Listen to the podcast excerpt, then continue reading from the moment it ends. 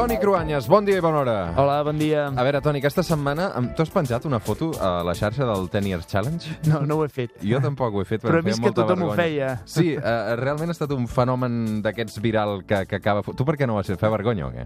No Sí. portaves barba fa 10 anys. No, no, no, fa, no portava... No, no, no, no portava barba. Barba no, no. primeta d'aquest. Ha anat creixent la barba de Toni Cruanes, s'ha fent més gran cada vegada, eh? Sí, sí.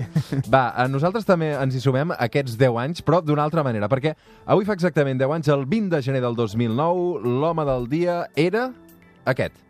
I stand here today humbled by the task before us, grateful for the trust you've bestowed, mindful of the sacrifices borne by our ancestors. Fa exactament 10 anys que Barack Obama es va convertir en el primer president negre dels Estats Units. Vas cobrir aquella campanya electoral d'Obama, tu, Toni. Sí, em va tocar. La veritat és que vaig viure la nit electoral a la seu del Partit Demòcrata a Harlem, al barri negre de Nova York. La gent estava plorant d'emoció. Realment va ser una campanya mm. molt, molt intensa. I la sensació, aquesta vegada sí, eh, com poques vegades, que la victòria d'Obama era almenys una reparació simbòlica a la part més fosca i injusta de la història dels Estats Units. Han passat 10 anys i la persona que ara ocupa la Casa Blanca sembla tot el contrari d'Obama. Sí, sí, però el mandat del primer president negre dels Estats Units, en qualsevol cas, va ser ordenat, exitós en alguns àmbits. Per exemple, no hi va haver cap atac terrorista en, atac, en territori nord-americà, tampoc hi va haver cap intent d'assassinat del president, i d'això, recordem-ho, però fa 10 anys es va especular molt.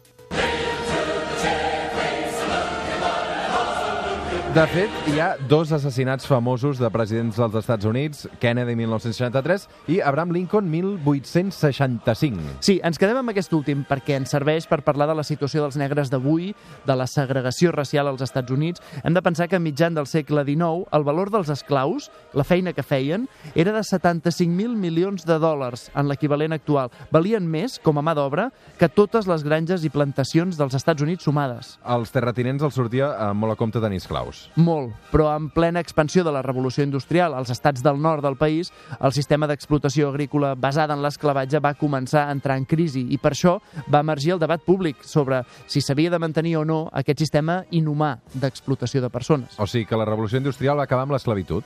Sí, però també perquè la democràcia ja s'estava expandint. A més, a mitjan segle XIX hi havia molts més habitants al nord dels Estats Units que no al sud, que és on es mantenia l'esclavitud. Per això, a les eleccions del 1860 les va guanyar el candidat del nord, Abraham Lincoln. Lincoln volia abolir l'esclavitud, aleshores?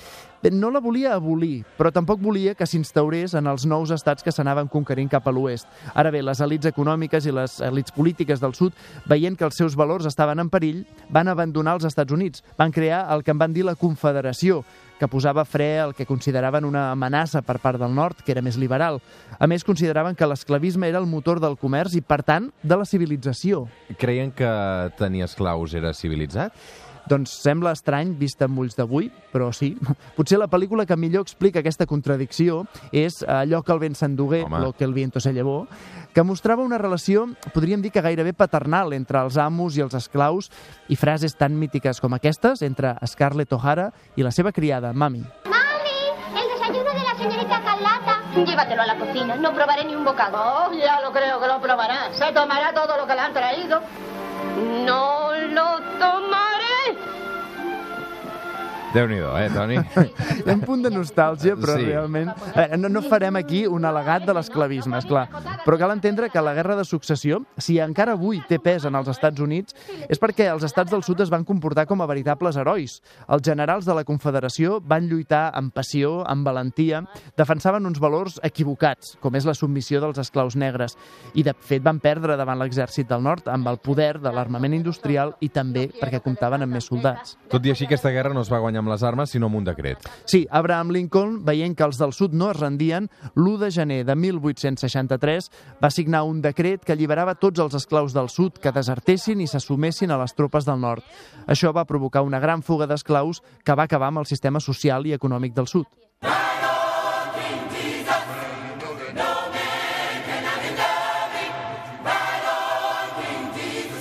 La Confederació, Toni, es va acabar rendint el 1865.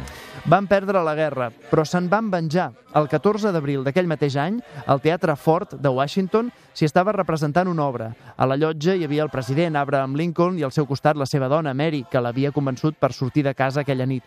Pocs esperaven que un dels actors, John Wilkes Booth, un excombatent confederat, s'esmunyiria pel passadís principal del teatre fins a acostar-se a Abraham Lincoln i des del darrere, mentre seguia la funció, li va disparar un tret mortal al cap.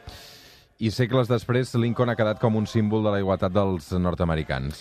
El consideren un gran heroi, és el símbol de la unitat del poble nord-americà. Lincoln va alliberar els esclaus, però també va guanyar la guerra de secessió.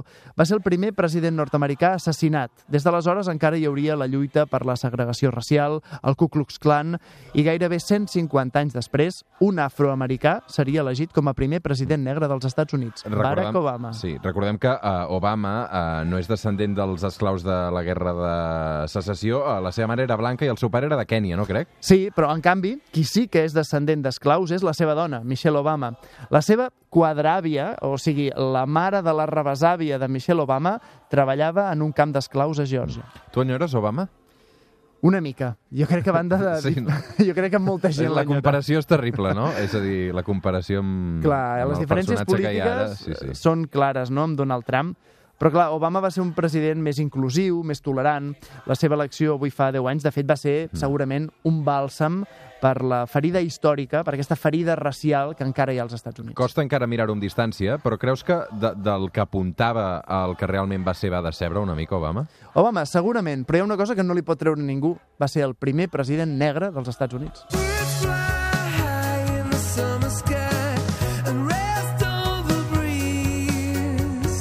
Avui, Toni, arribarem fins les 9 amb els U2, una cançó que forma part de la playlist de Spotify de Barack Obama. Això es diu Ordinary Love. Perfecte. Que tinguis un bon diumenge. Bon dia. Sleep.